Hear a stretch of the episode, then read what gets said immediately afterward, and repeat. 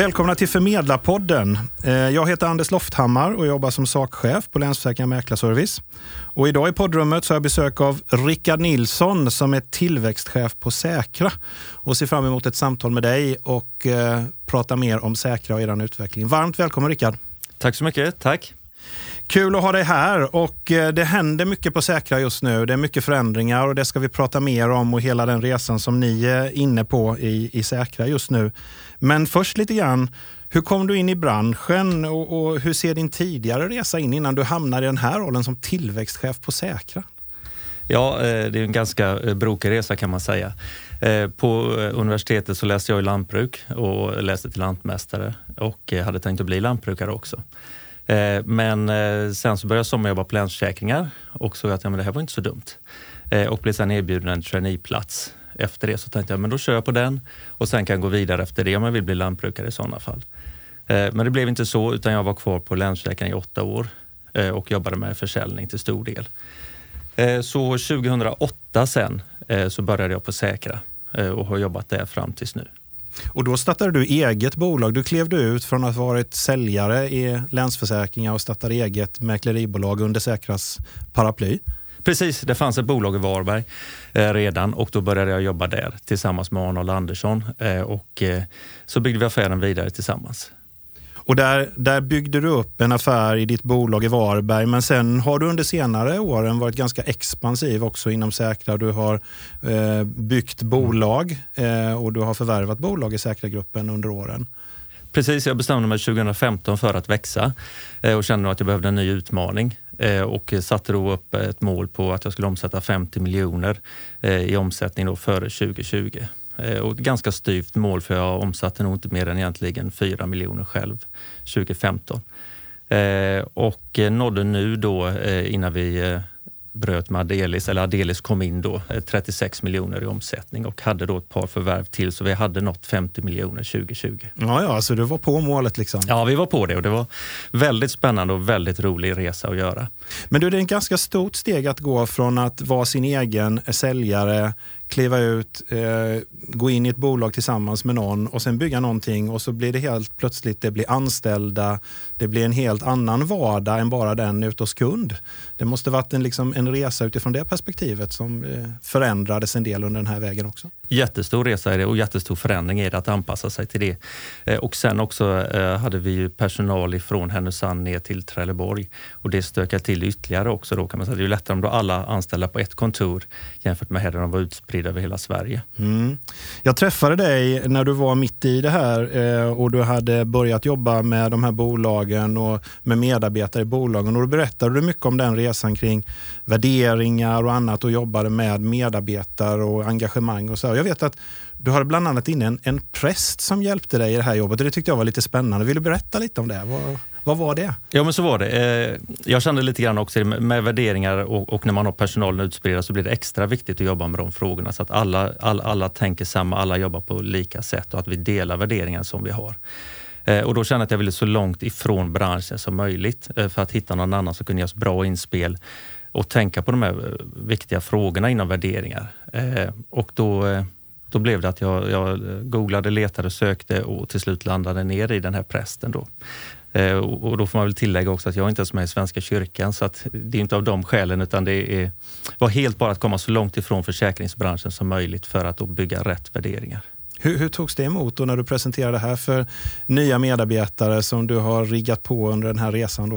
Nu, nu ska vi ha in någon som hjälper oss från sidan här och jag har tänkt att vi ska ha hjälp av en, en präst som hjälper oss med våra värderingar. Ja, det var väl allting från eh, in, inga stora reaktioner till mer eller mindre en jättechock ja. för vissa. Ja. Eh, och en, eh, ja, man, man vågar nog inte ens ha förväntningar utan man förstod nog inte överhuvudtaget hur det här skulle sluta eller hur det var tänkt eller eh, på något sätt.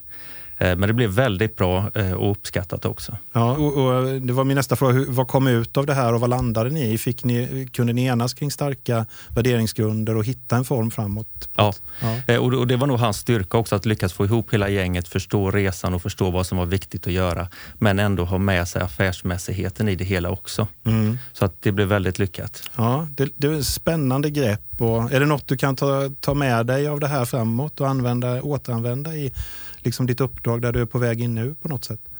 Ja, men det, det, det, tror jag liksom att värderingarna, och det är nog hela Säkra som är det, är väldigt värderingsstyrt och jag tror det kommer bli, det är väldigt viktigt för oss och det kommer bara bli viktigare och viktigare i framtiden också. Att, att lämna med det här lite som vi kanske ibland tittar mycket på, på alltså bara provisioner, pengar, de här bitarna och se mer den andra delen. Bygg långsiktigt eh, istället och så, så kommer liksom lönsamheten komma senare istället. Den mm. tror jag blir jätteviktig. Ja, Ja, det, jag, jag delar din uppfattning och, och framförallt också engagemanget kring uppdraget hos alla medarbetare, vilket också är grundläggande för att lyckas i sådana här satsningar. Ja, det är det absolut. Få med gemenskapen och delaktigheten. Nu har du skiftat över, du har drivit egna bolag eh, och, och, berättat om den resan lite grann på väg mm. mot, mot 50 miljoner. Och så kommer det in en ny stark ägare in i Säkra i form av Adelis och du går in i ett ny, nytt uppdrag som tillväxtchef inom Säkra. Vill du beskriva mm. lite grann vad det, vad det uppdraget är och vad det är som, vad du gör i vardagen just nu? Ja, eh, vi, vi, har nu satt ett mål på att vi ska växa till en miljard i omsättning eh, och eh, Säkra omsätter idag ungefär 400 miljoner. Vi kommer ha en del organiskt eh, tillväxt inom Saco Liv och Spar, eh, men en väldigt stor del kommer att bli på förvärvssidan. Alltså vi ska köpa förmedlarkontor och även då rekrytera personal. Eh, så att det blir egentligen det som blir mitt huvudfokus framöver, att enbart jobba med att åka runt i Sverige och köpa bolag då som vi känner att de här passar in i Säkra. Så att det är inte så att vi, vi köper liksom allting som vi kommer över, utan vi vill se att de passar in i säkerandan, delar våra värderingar eh, och eh, vill jobba med oss framåt. Så från basen nere i Halland då, så är det en hel del resande över hela Sverige nu inbillar jag mig då just nu. Ja men så är det, man lär känna Sverige. Kunde man inte kartan innan så lär man sig den nu. Så att, Eh, Eh, nu kör vi över hela landet och, och, så kommer det nog bli de närmsta åren också. Vad, vad, möter du när du kommer ut och presenterar Säkra utifrån? Är, det lätt att hitta de här eh, nya resurserna som ni vill ha in, nya förmågor som kommer in i branschen? Eller ser du att vi har ett eh, generationsskifte som gör att vi liksom inte riktigt har fyllt på underifrån? Nej, jag, jag känner nu att det går väldigt bra. Eh, nästan förvånansvärt bra. Det, det, när saker och ting går för bra så blir man lite orolig att nu, nu är det någonting som är fel för det går för bra. Eh, så vi har redan eh, ett par bolag nu då som är i, i fasen färdiga då att komma in i Säkra. Eh, och det möts väldigt positivt. Och, och, jag tror det är kombinationen utav vad vi gör, alltså att, att vi står fast vid det gamla, vi ska vara lokala, vi ska fortsätta jobba där, vi ska inte bli toppstyrda men samtidigt så får vi in en, en ny ägare då med, med mycket ordning och reda i. Så jag, tror, jag känner det att de bolagen som säljer in till oss och går med i Säkra, de gillar de här bitarna. Den här em, entreprenörskraften som finns ute i de här lokala bolagen och att komma in i, i Säkra då, att behålla den, det drivet och den kraften som har funnits i det. Vad, hur, hur jobbar ni med det för att få liksom, det här fortsatta drivet? Ni har haft en väldigt stark utveckling. Så är det. Och, och vi kommer, och det är väl det som varit hela resan med Adelis fram till där vi är nu och diskuterat hur ska vi jobba framöver. Och i, I de strategiarbeten som har varit och kommer framöver så är det väldigt viktigt att behålla engagemanget ute i landet. Av den anledningen så har vi valt att göra en väldigt platt organisation. Så vilket innebär att vi kommer ha en sak och livchef eh, i Stockholm då som blir Jonas Stenmark och Fredrik Kjell. Eh, för övrigt så är det inga mer mellanchefer utan sen är det rätt ner till kontorschefen. Och det innebär att det kommer vara väldigt stora mandat ute hos kontorscheferna och det tror jag skapar engagemang och glädje i att då är det roligt att jobba. Eh, ju mer chefer du lägger in, eh, ju mer filtrerar du bort engagemanget på något sätt och sen blir du bara någon form av ordermottagare. Mm. Nej, men det, det, låter, det låter klokt. Om man tittar på fokusområden framåt nu då för Säkra. Eh, hur vill ni växa framåt? Är det liksom en uttalad tillväxtstrategi inom både liv och sak eller är det mer inom det ena eller andra om, området?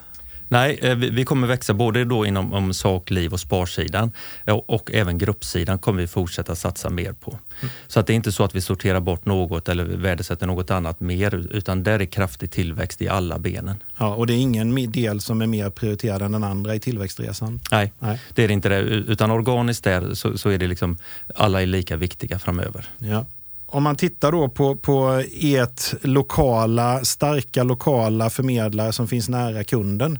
Eh, målgruppen har varit företagare eh, ute lokalt av man kan säga små och medelstora företag. Förändras det någonting utifrån målgruppsinriktningen i det ni gör framåt tillsammans med Adelis? Det kommer att göra det lite grann. Vi har idag cirka 15 000 kunder, eh, då företag, företagare och vi, vi, kommer att ligga kvar och jobba vidare med den basen och korsförsälja väldigt mycket för där, där märker vi idag, där är vi inte riktigt med. Eh, vi har, antingen så är du starka på saksidan och då kanske du inte plockat upp liv och spar. Det kommer att göras men vi kommer även att kliva uppåt i segmentet också. Mm, så det finns en tillväxtambition att kliva upp på lite större företag? Ja, ja. det är det. Helt klart. Finns det en kompetensresa kopplat till det också då, att göra den resan? Eller är ni, har ni kompetensen i organisationen för att göra resan och kliva uppåt? Vi har kompetensen till viss del har vi, men eh, då både via förvärv och, och rekryteringar så kommer vi att stärka upp mer. Eh, vi, vi, kommer, vi har vissa riskingenjörer, eh, men vi kommer att stärka upp mer på den sidan. Vi behöver in mer produktspecialister också och det blir naturligt så när du kliver i segmentet uppåt, så måste du ha in de kompetenserna också. Ja. Och där blir också då att där kan ni tillhandahålla resurser som hjälper till lite grann över hela Sverige så att ni kan använda eh, resurser som rör sig mellan bolagen också inbillar jag mig då. Ja, så måste det bli för det ska vara kostnadseffektivt också. Ja, precis. Eh, och vissa blir ju väldigt specialiserade kompetenser så att då, då, blir det över hela landet de får röra sig. Och, och sen även då så märker vi att går du upp i segmentet med då måste du utanför Sverige också. Ja, och följa med företagen ja, ut liksom på ja. den resan. Ja. ja. precis om man tittar då på de förmedlare som ni vill nu rekrytera in då, som ni vill få in under Säkras varumärke. Vad, vad kännetecknar en sån förmedlare eller en sån person eh, som vill kliva in, som ni vill komma åt och jobba med i den här satsningen framåt? I grunden tycker jag eh, det viktigaste är, det, det är liksom att man står upp för våra värderingar. Eh, säkra andan. Det, det är det eh, som är helt avgörande. Skulle man inte råka ha rätt kompetens, nej, men då är det bättre att skaffa kompetensen. Men värderingar hos en människa, de kan du inte ändra på. Mm. Och det är väldigt mycket det värderingsstyrda. Det kommer vi tillbaka till ja. där du var i ditt eget bolag. Precis. Du är starkt driven av det förstår jag, liksom att hitta den här värderingsgrunden för att bygga. Ja. Ja, jag tror alltså värderingarna och företagskulturen det är helt avgörande för hur det ska gå framöver. Mm. Du, du, nämnde inledningsvis att en del i det här att samordna sig i större organisationer och samtidigt vara lokal. Det handlar mycket om att kunna leva upp till regelverk och, och underliggande krav som finns. Det är en sundhet i det, liksom, att jobba enligt regelverken. Vad, mm. vad, vad ser ni framåt där för väg liksom, för att leva upp till regelverk? Är det en lång väg att gå eller känner du att vi är där och vi har tagit stora kliv alla redan? Vi har tagit stora kliv sista tiden nu och det var ett krav från Adelis, våra nya ägare, att det ska vara helt och rent. Eh, så att vi har redan nu gjort över 200 stickprov på compliance och titta på rådgivningsdokumentationerna, hur den ser ut. Eh, vi stärker upp då med, med professionella specialiserade konsulter och även då på bredden då för att klara av att göra mer stickprov framöver och jobba vidare. Så jag vill säga att vi är väl rustade nu eh, för att klara oss framöver men det är ett, helt, ett, ett arbete som alltid kommer att fortgå. Mm. Och jag tror nog de som inte jobbar med de frågorna, de är nog inte kvar framöver heller utan det måste vara fokus på compliance-bitarna. Ja, och det är ju väldigt viktigt utifrån att göra rätt uppdrag utifrån, ut mot kunden. Och, ja. Vi ser ju det att det, det kommer, eh, det är infört och, och jobbas med väldigt aktivt i alla bolag. Eh, och, och, det tycker vi känns väldigt bra liksom, utifrån den position vi har på marknaden. Eh, om man tittar på framtidens förmedlarroll då, lite grann. Vad, vad kommer hända där? Hur kommer det förändras? Vi har du har gått från att vara säljare till förmedlare till att driva bolag. Men om du tittar tillbaka på att, eh, den resan och så tittar du lite grann framåt. Vad, vad är framtidens förmedlarroll och vad skiljer den mot vad den har varit? Eh, jag tror det blir en stor påverkan utav digitaliseringen. Den påverkar allt i samhället och den kommer även påverka oss. Jag tycker inte vi ser det så jättemycket än, men jag tror vi kommer se det mer och mer framöver. Eh, vilket gör att, att jag tror som förmedlare så behöver du eh, kliva upp i segmentet, du behöver specialisera dig mer och få mer kunskaper. Och jobba lite mer dedikerat med det enskilda kundmötet på lite större kunder och på om man ska säga den lite bredare kundbasen, de mindre kunderna, mer standardiserade lösningar? Är det det ja, du säger? Jag tror det och jag tror även de lösningarna, det kanske blir så att du digitaliserar en upphandling för mindre kunder vilket gör det hela väldigt enkelt och rationellt. Mm. Att, att via rådgivningsdokumentationen som de varit ute och gjort och, och gått igenom behovet som kunden har, knappar in det och sen automatiskt produceras en upphandling som går ut åt kanske fem eller sju försäkringsbolag. Och sen får du tillbaka den vilket effektiviserar arbetet och gör att du frigör tid för att kunna jobba med lite större kunder och som fortsatt att då kräver mer handpåläggning. Ja. Men innebär det någonstans att det är fortfarande upphandling kund för kund även i det här mindre segmentet? Vi pratar inte samordnade upphandlingar utan det är mer upphandling kund för kund. Eller hur ser ni på den resan? Ja, vår ambition är inte att gå mot bulkupphandlingar eller någonting sånt där utan vi, vi, vi vill fortsätta på vår väg med individuella lösningar och, och, och liksom se kunden. Mm. Eh, det tror jag är helt avgörande för vår del. Om man då tittar på vad, vad, är det som gör att en kund väljer just Säkra? Då? Vad, är, vad är det som särskiljer att man, man väljer Säkra som leverantör? Jag tror mycket är det att man, man tycker om det lokala. Man, man driver ett, kanske då ett lite mindre ägarlett företag. Då uppskattar man väldigt mycket att det finns lokal eh, personal. Eh, och, och sen är det då även att man kan få väldigt mycket hög service. Man, vill ha, man kräver ganska mycket hjälp och man vill ha det och att man ska komma ut och ha besök och så vidare. Och Det är det som jag tror att det är där det är det som stärker upp Säkra. Vi finns där ute eh, mm. på orterna och, och, och, hjälper till. Och samtidigt så måste vi då göra ett bra jobb och hålla hög service för du kan inte gömma dig där. Och, och de här ryktena sprider sig. Mm. Så därför så eh, vill jag nog säga att det är det som, det som avgör. Mm. Och att fortsätta vara lokala och finnas nära kunden. Ja, och det, och det är helt tanken att göra fortsatt också. Eh, om man tittar på det här med kundnöjdhet, då, det står ju i fokus i, i, i, alla sammanhang idag. Vi mäter väldigt mycket hur kunderna upplever både, både möten och service och allting. Mäter ni också och följer upp era kundmöten i något systematisk modell eller hur jobbar ni med det? Tidigare har vi bara skött eh, lokalt eh, ute på de enskilda kontoren. Nu framöver så kommer vi att, att börja mäta allting centralt. Så att egentligen kommer varje kundmöte som är registrerat sen att kollas upp och mätas kundnöjdheten på. Ja, just det. Så att ni får, och då kan ni benchmarka mellan bolag också och, och, ja. och lära och ta lärdom om när någon är framgångsrik på någonting. Så, ja, och, se, och se, se vad som funkar och vad som inte funkar och så vidare. Mm. Kundnöjdhet är ju liksom, eh, man kan mäta det och man kan eh, få svar i samordnade eh, enkäter och liknande. Men, men vad är den bästa återkopplingen man kan få från en enskild kund? Då? Du, du har ju mött kunder i väldigt många olika sammanhang. Ja, eh, och det absolut bästa tycker jag det är när en kund har tipsat en annan företagare om att, att ringa Rickard på Säkra, han är toppenbra. Så hjälper han dig med försäkringarna. Så det är mun till mun-metoden? Ja, den tycker jag den är fantastisk. Ja. För, för, det är verkligen ett tecken på att, att kunden har varit nöjd när han tipsar då Säkra till någon annan företagare. Mm och tipsar in rådgivaren framför allt då, som har gjort ett bra jobb. Ja, precis. Mm. Om du tittar nu, Länsförsäkringar, vi finns också lokalt precis som ni gör. Eh, och vi, vi finns representerade över hela Sverige. Vi har egna säljare, vi har franchisetagare, vi har skadereglering. Vi finns överallt, möter våra kunder. Eh, när du tittar på Länsförsäkringar utifrån säkra perspektivet. Eh, om du skulle beskriva Länsförsäkringar utifrån vad ni ser och hur ni upplever oss? Eh, ja, men vi, vi ser ett väldigt lokalt och uppskattat försäkringsbolag som man ser våra kunder prata gott om. Eh, det är dessutom kundägt också, vilket jag tycker mer och mer pratas om nu. Det var lite mindre förr, men nu börjar folk förstå lite grann det här med återbäring, att det kan komma och så vidare. Eh, och ur ett rent förmedlarperspektiv så kan det ibland bli lite, lite rörigt med 23 länsbolag och, och lite, lite olika regelverk och så vidare. Eh, tack vare det att vi rör oss, även om vi är lokala, så rör vi oss oftast över hela landet. Man har lite utspridda risker och så vidare och, och då är det lite eh, olika regler som gäller. Mm.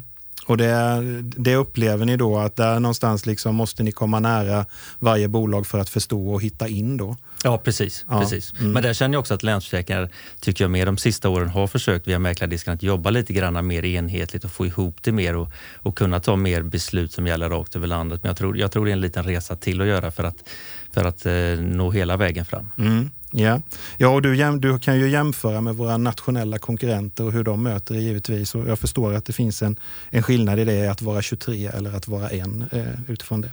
Jättespännande resa som ni är inne på inom Säkra och eh, ett spännande uppdrag som du har där du får möjligheten att vara med och bygga något nytt igen här inom mm. Säkra. Det måste vara en fantastiskt rolig eh, utmaning som du, du har. Ehm, om vi går över och pratar lite mer om Rickard som privatperson. Nu vet jag ju då att nu jobbar du i Stockholm. Eh, du bor i Halland. Du driver ett lantbruk. Eh, du har massor med energi. Det känner jag varje gång jag träffar dig. Eh, men hur ser en typisk dag ut i ditt liv och hur får du ihop detta, liksom, den här helheten? Ja, det, är väl det, lite, det är väl lite som med humlan där som egentligen, den ska inte kunna flyga men den gör det ändå på något sätt. Eh, nej men det är eh, det finns väl egentligen inga typiska dagar i mitt liv utan de blir väldigt blandade och man får ta lite, lite bollar på uppstuds. Eh, så är det. Eh, och, och, sen är det ju resor som man då får försöka kombinera ihop lite grann med årstiderna och, och, och med lantbruket där också. Så att försöka kanske resa lite mindre på våren och, och så kan man köra mer på vinterhalvåret. Men du driver ett aktivt lantbruk, men är det, vad, vad, är inriktningen på ditt lantbruk? Det är växtodling och skog och sen har vi en del betesdjur också som är där. Ja. Så att det, det är väl skönt om djuren är inne och så vidare. Det underlättar en hel del. Ja, det, så är det ju. Men du har någon på nära hand som kan rycka ut om du sitter på kontoret i Stockholm och grannen säger att korna står på vägen, eller hur? Ja. ja. Eh, pappa bor precis intill också så han hjälper mig ganska mycket. Så det är, det är i vanlig ordning så är föräldrarna räddningen. Ja, precis. precis. Eh, jag vet ju också att under en viss del av ditt liv så valde du att delvis bosätta dig på Mallorca eh, med familjen. Eh, Vad, vad, vad kom detta av och kan du berätta lite grann om det? Vad, vad var syftet med denna eh, utlandsvistelse? Ja, det var egentligen min fru som ville det. Vi, vi, vi, köpte ett hus på Mallorca för att ha med som en sommarstuga.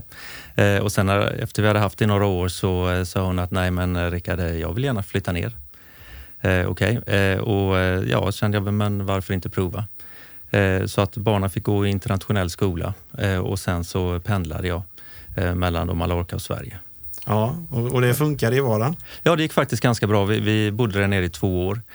Eh, och, och, det tycker jag, man ser ju det fantastiska med internet och alltså det är möjligt att sitta och jobba på distans och, och, och även då, alltså du kan sitta där och ta samtal eh, och jobba och koppla vidare och prata med kunder och så vidare. Så att, eh, ja, förvånansvärt bra gick det. Mm. Men du var hemma ganska ofta inbillar jag mig, liksom för att hela tiden vara närvarande i dina bolag. Jag vet att du reste mycket för ja. att kunna vara med fullt ut. Ja, det var ungefär varannan vecka. Så ja. det, det, var fram och tillbaka. Ja, mm, precis. När vi tittar på branschen idag så är det så att eh, hur lockar vi in nya förmågor in i försäkringsbranschen? Om, om, eh, om du skulle ge ett råd till en, eh, en student idag som eh, är färdigutbildad och har gått utbildning och har en inriktning inom ekonomi eller juridik. Varför ska man välja försäkringsbranschen? Ja, det, det, det vi har ett problem tror jag i branschen, att, att, liksom, att utifrån sett så är försäkringsbranschen väldigt tråkigt. Alltså det ser tråkigt ut, det känns tråkigt, men vi då väl som jobbar i det tycker det är underbart roligt. Och väldigt ofta så stannar ju eh, folk kvar länge i branschen. Alltså om man väl kommit in, sen byter man inte. Man kanske byter bolag eller tjänst och så vidare. Så att, och, och det blir som tror jag gör mycket också, att det, det är ett väldigt brett arbete. Eh, och, och, samtidigt då så kan du riktigt nörda ner dig i någonting och bli specialist också. Du kan ändra bana om du vill. Du kan gå från försäljning till skadereglering. Du kan bli produktutvecklare.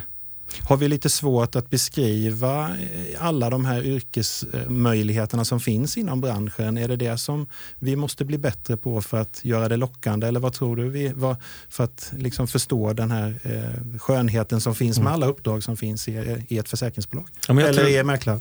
Ja, ja, precis. Nej, men jag tror det. det. Det är ett problem och det är ett gemensamt branschproblem som vi har. Det spelar ingen roll om, om du är mäkleri eller om du är försäkringsbolag eller, eller var du sitter någonstans. Så är det ett branschproblem som vi har, att vi framstår som så mossiga och, och, och tråkiga. Mm. Eh, och vi lyckas inte förmedla det och det tror jag är någonting som man borde hjälpas åt med att på något sätt att, att öppna upp och visa hur, hur, roliga jobb här finns och hur spännande bransch det är. Mm. Ja, det är, det, jag brukar säga att det tvärsnittet av ett försäkringsbolag, där finns nästan alla yrkesroller i, i samhället representerade. Eh, mm. En ganska häftig sammansättning av kompetenser och människor. Och det finns väldigt mycket roliga jobb att välja på inom försäkringsbranschen. Ja. Om du fick titta tillbaka på din karriär och så skulle du ge dig själv ett gott råd så när du var 30 år. Vad, vad, skulle du skicka med idag då som du, som du inte visste då?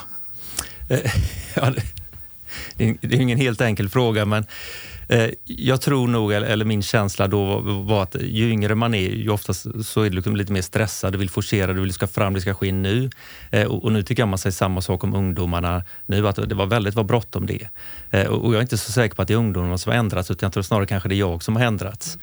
Och ungdomarna mer alltså, är sig lika. Så att egentligen där mer kan jag tycka att, att ta det lite lugnt, allting löser sig, det kommer, ge det lite mer tid vila i att det kommer lösa sig och att du har upp, hunnit uppleva många av de här grejerna med genom livet. Det är livserfarenhet. Ja, precis. Ja, precis. Fritid, intressen, föreningsliv, hinns det med något sånt liksom när man driver lantbruk, är tillväxtchef i Säkra och, och så här? Eller vad, vad, vad, gör du när du någon gång får den här lediga stunden? Eh, ja, eh, dels det givetvis tar ju familjen mycket tid i och med att ha fru och barn och så försöker man umgås så mycket med dem som möjligt. Eh, men, men för övrigt så är det väldigt mycket jakt. Jakt? Ja, ja. jakt tar upp nog i princip all, all övrig tid. Och då är det jakt utifrån nere i Halland på gården? Ja, jag jagar över hela Sverige också. Så ja. att det är gärna upp till Jämtland och jaga älg eller lite björn utanför Gävle eller nere i Skåne på några klövviltsjakter och, och, så vidare. Så att jag reser gärna runt och, och provar jakter eh, runt om i Sverige, men, men givetvis mycket hemma också på gården. Det här att må bra, hantera arbete, eh, ett jobb med mycket resande, fritid. Vad, vad liksom, hur får du kraften eh, och hittar du åter, återhämtningen mellan varven? Jag försöker bryta av så tvärt jag bara kan från jobbet. Alltså, våra jobb det är mycket kontor teoretiskt och så vidare. Jag försöker komma ut i naturen eh, och försöker jobba praktiskt och då, då blir det naturligt med gården också. Det, det, det, kan ju, det är klart, för en heltidslantbrukare så är det bara arbete. För mig blir det också lite fritidssysselsättning och ett sätt att släppa då försäkringsbitarna.